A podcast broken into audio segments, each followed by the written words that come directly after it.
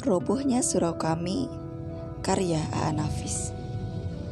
Alangkah tercengangnya Haji Saleh karena di neraka itu banyak temannya di dunia terpanggang panas, merintih kesakitan. Dan ia tambah tak mengerti lagi dengan keadaan dirinya karena semua orang yang dilihatnya di neraka tak kurang ibadatnya dari dia sendiri. Bahkan ada salah seorang yang telah sampai 14 kali ke Mekah dan bergelar syekh pula. Lalu Haji Saleh mendekati mereka dan bertanya, kenapa mereka di neraka semuanya? Tetapi, sebagaimana Haji Saleh, orang-orang itu pun tak mengerti juga bagaimana Tuhan kita ini, kata Haji Saleh kemudian.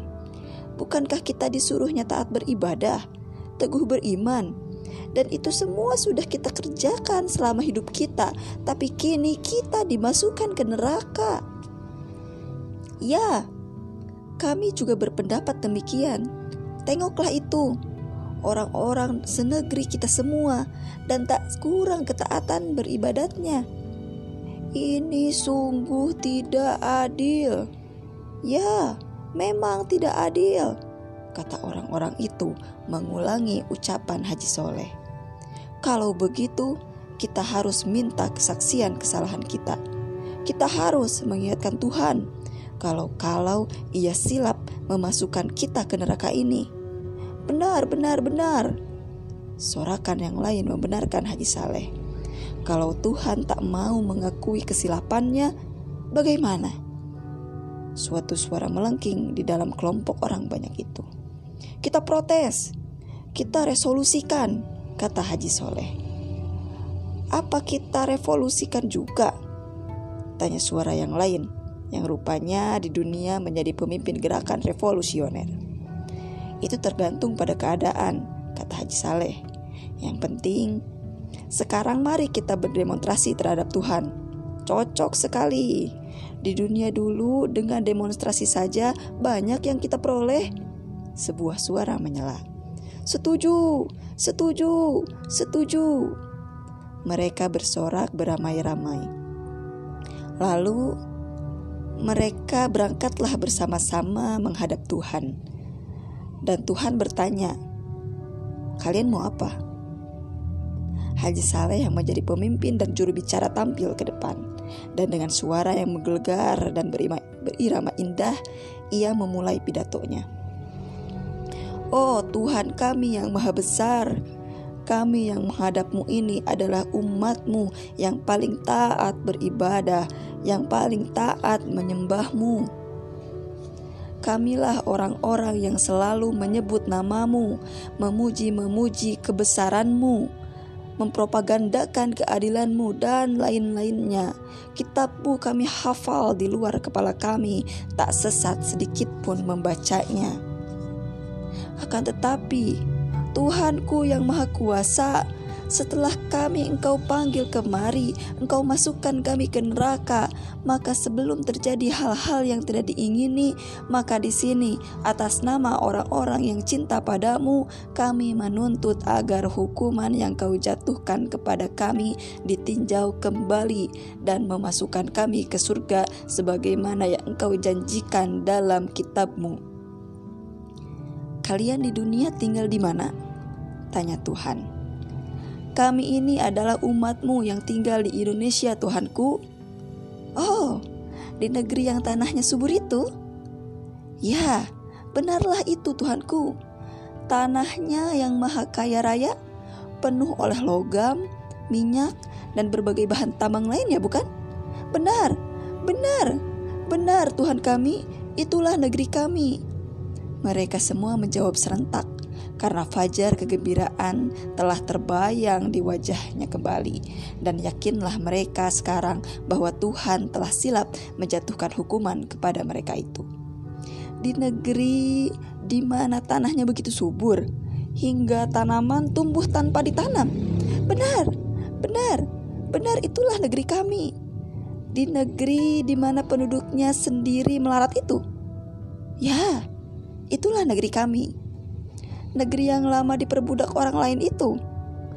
Ya Tuhanku, sungguh laknat penjajah-penjajah itu Tuhanku. Dan hasil tanahmu mereka yang mengeruknya dan diangkutnya ke negerinya bukan? Benar Tuhanku, hingga kami tidak mendapat apa-apa lagi. Sungguh laknat mereka itu. Di negeri yang selalu kacau itu, hingga kamu dengan kamu selalu berkelahi. Sedang hasil tanahmu, orang lain juga yang mengambilnya bukan? Benar, benar Tuhanku. Tapi bagi kami soal harta benda itu kami tak tahu mau. Yang penting bagi kami ialah menyembah dan memuji Engkau. Engkau rela tetap melarat bukan? Benar, kami rela sekali Tuhanku. Karena kerelaanmu itu anak cucumu tetap juga melarat bukan? Sungguh pun anak cucu kami melarat, tapi mereka semua pintar mengaji kitabmu mereka hafal di luar kepala belaka. Tapi seperti kamu juga, apa yang disebutnya tidak dimasukkan ke hatinya bukan? Ada Tuhanku. Kalau ada, mengapa biarkan dirimu melarat hingga anak cucumu teraniaya semua? Sedang harta bendamu kau biarkan orang lain mengambilnya untuk anak cucu mereka dan engkau lebih suka berkelahi antar kamu sendiri. Saling menipu, saling memeras, Aku beri engkau negeri yang kaya raya, tapi kau malas. Kau lebih suka beribadah saja karena beribadah tidak mengeluarkan peluh, tidak membanting tulang, sedang aku menyuruh engkau semuanya mengeluarkan peluh, tidak membanting tulang. Sedangkan aku menyuruh engkau beramal di samping beribadah. Bagaimana engkau bisa beramal kalau engkau miskin? Engkau kira aku ini pujian, aku ini suka puji-pujian kau mabuk disembah saja, hingga kerjamu lain tidak memuji, memuji dan menyembah aku saja. Tidak. Kamu semua mesti masuk neraka. Hai malaikat, halaulah mereka ini kembali ke neraka, letakkan di keraknya. Semua jadi pusat pasti tak berani berkata-kata apa lagi. Taulah mereka sekarang apa jalan yang diridhoi Allah di dunia tetapi Haji Soleh ingin juga kepastian apakah yang dikerjakannya di dunia ini salah atau benar. Tetapi ia tak berani bertanya kepada Tuhan. Ia bertanya saja pada malaikat yang menggiring mereka itu. Salahkah menurut pendapatmu kalau kami menyembah Tuhan di dunia? Tanya Haji Soleh. Tidak, Kesalahan engkau karena engkau terlalu mementingkan dirimu sendiri. Kau takut masuk neraka, karena itu kau taat bersembahyang tapi engkau melupakan kehidupan kaummu sendiri, melupakan kehidupan anak istrimu sendiri, hingga mereka itu kucar kacir selamanya.